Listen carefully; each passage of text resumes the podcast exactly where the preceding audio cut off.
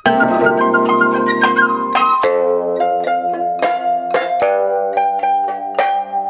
ég heiti Sofía. Ég heiti Manal. Og ég heiti Mónika. Við ætlum að fræðast um Vietnam. Við valdum þetta því að Sofía er frá Vietnam og veit mikið um það og við höfum áhuga á því.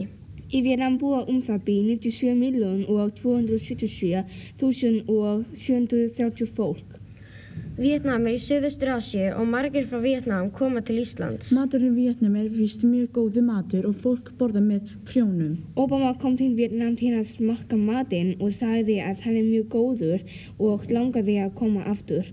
Vinsælasti maturinn var, var Er núðurréttur sem inniheldur kjötlaug og sriracha eða ostursósu. Fólk setur oft sriracha-sósa á matinn sem er mjög sterk sósa. Það var mjög mikið trend árið 2016 og það er mjölkuti.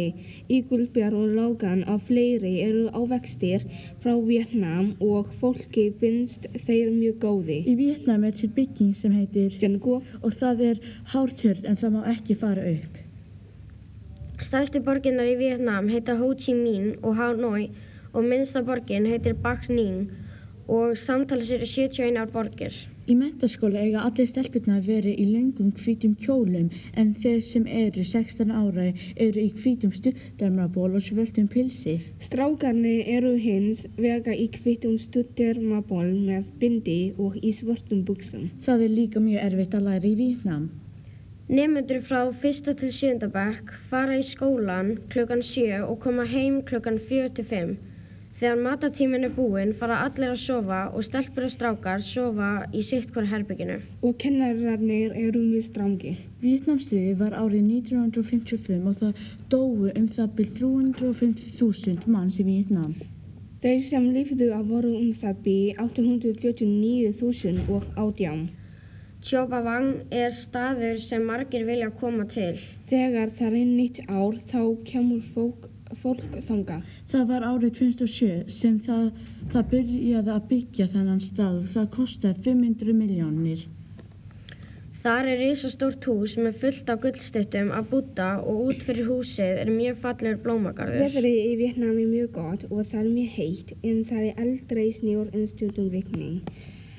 Þetta voru staðreinindinar um Vietnam sem við ákváðum að fræ- fræðast um og Og við vonum að ykkur fannst þetta áhugavert og skemmtilegt. Og við þökkum fyrir áhugan. Takk fyrir okkur.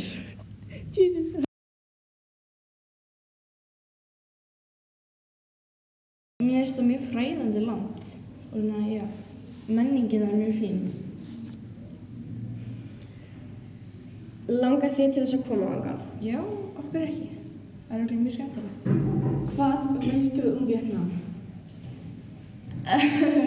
Fánin er rauður og með gulri stjörnu og það er mjög fræðandi mat og ég veit það ekki. Þekkir þú einhvern sem hefur komið til Vietnam? Sofíu og Viktoríu.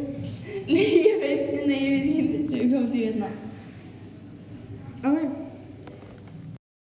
Og bara, mér langar okkur sem þetta fara þangað, bara að skoða hvernig það er. Langar þig til þess að koma þangað? Já, mér langar að, eða þú veist, mér langar bara að koma þangað og skoða en ekki eitthvað svona vera ákvað og vera lengi eitthvað svona. Hvað veistu um Vietnam? Ég veit að fánin er rauður og með gul, gulri stjörnu og að það er mikið bara á núðlum og bara öllu svona og bara með prjónum. Þekkir þú einhver sem hefur komið til Vietnam? Ég þekki engan sem hefur komið bara svona til þess að skoða en ég þekki tvær stelpur sem eru frá Vietnam og eitt strák, Sofju, Viktoríu og Ken og þau eru frá Vietnam, að frá Vietnam en samt, þú veist, ekki svona skoða, þau bara Ekki mitt. Að jú, ég veit um það er góður matur þar og og og Ok, já, þekkir þú einhvern sem hefur komið til Vietnam? e, já, ég þekki tvær stelpur, e, Sofía og Viktoría. Þetta er svona, það er mjög spennandi.